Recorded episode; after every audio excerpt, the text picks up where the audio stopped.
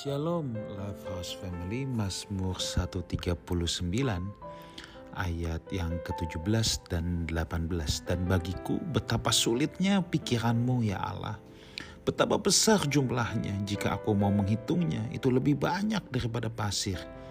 Apabila aku berhenti masih saja aku bersama-sama dengan engkau. Saudara di sini pemazmur Daud berkata dan bagiku betapa sulitnya pikiranmu ya Allah betapa besar jumlahnya. Kalau aku mau menghitungnya lebih banyak dari pasir. Apa yang bisa kita pelajari saudara? Saudara yang pertama kita harus menyadari itu begini. Otak manusia itu kecil. Ya, saudara boleh coba menggenggam tangan saudara sekarang.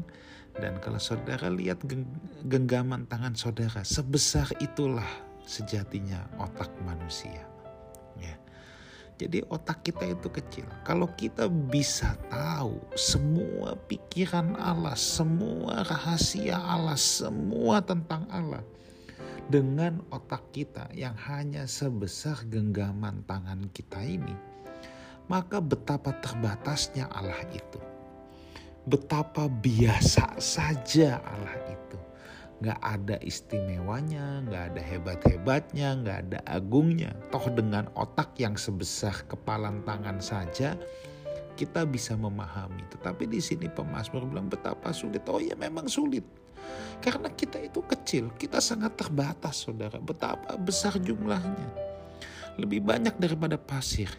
Oke ada yang pernah menghitung pasir. Nggak ada yang bisa ngitung pasir saudaraku Gak ada orang di seluruh dunia ini dari kapan pun gak ada yang pernah bisa hitung pasir. Tetapi rahasia-rahasia Tuhan itu lebih banyak daripada pasir. Luar biasa. Nah, apa pelajaran kedua yang bisa kita ambil dalam hal ini? Saudara, sering kali manusia itu sok tahu dengan Tuhan. Kenapa saya katakan sok tahu?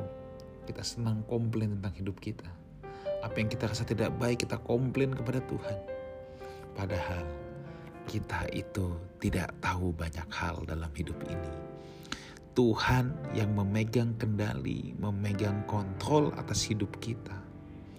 Harusnya kita tidak perlu komplain ketika kita menghadapi kesulitan hidup, ketika kita menghadapi tantangan, cobaan dalam hidup ini Kenapa kita harus komplain? Apa sih yang kita tahu? Apa sih yang kita ngerti? Betapa sulitnya pikiranmu ya Allah. Mungkin Tuhan mengizinkan kita. Ada di tempat-tempat yang tidak menyenangkan buat kita. Ada di situasi dan kondisi yang sangat mungkin menurut kita Tuhan ini gak asik banget. Rasanya aku mau berontak Tuhan. Nah kita tidak mengerti kenapa Tuhan izinkan itu terjadi dalam hidup kita. Tapi percayalah satu hal saudaraku, percayalah bahwa Tuhan punya hitungannya sendiri. Pikirannya kadangkala tidak bisa kita mengerti pada saat ini. Seperti seorang anak kecil ya, kalau saudara punya anak. Mungkin ada banyak keputusan-keputusan yang saudara buatkan buat dia. Saat itu mereka tidak mengerti. Tetapi satu hari kelak mereka akan mengerti bahwa apa yang saudara lakukan buat mereka itu adalah untuk kebaikannya. Makanya coba kalau kita pejamkan mata, kita berpikir, kita merenung perjalanan hidup kita berapa tahun ke belakang mungkin lima tahun tujuh tahun sepuluh tahun ke belakang kita akan melihat dengan begitu nyata dengan begitu jelas bagaimana rajutan tangan Tuhan merajut sendi-sendi kehidupan kita sekalipun pasti ada tantangan sekalipun ada kesulitan tetapi kita bisa melihat bagaimana Tuhan bersama kita melewati semuanya itu bagaimana tangan Tuhan menuntun kita.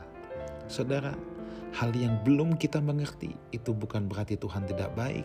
Hal yang belum kita mengerti itu bukan berarti buruk adanya.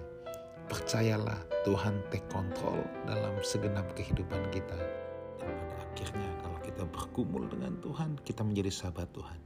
Satu hari kelak kita akan mengerti kenapa Tuhan mengizinkan banyak hal terjadi dalam hidup kita. Tuhan Yesus menyertai kita semua. Amin.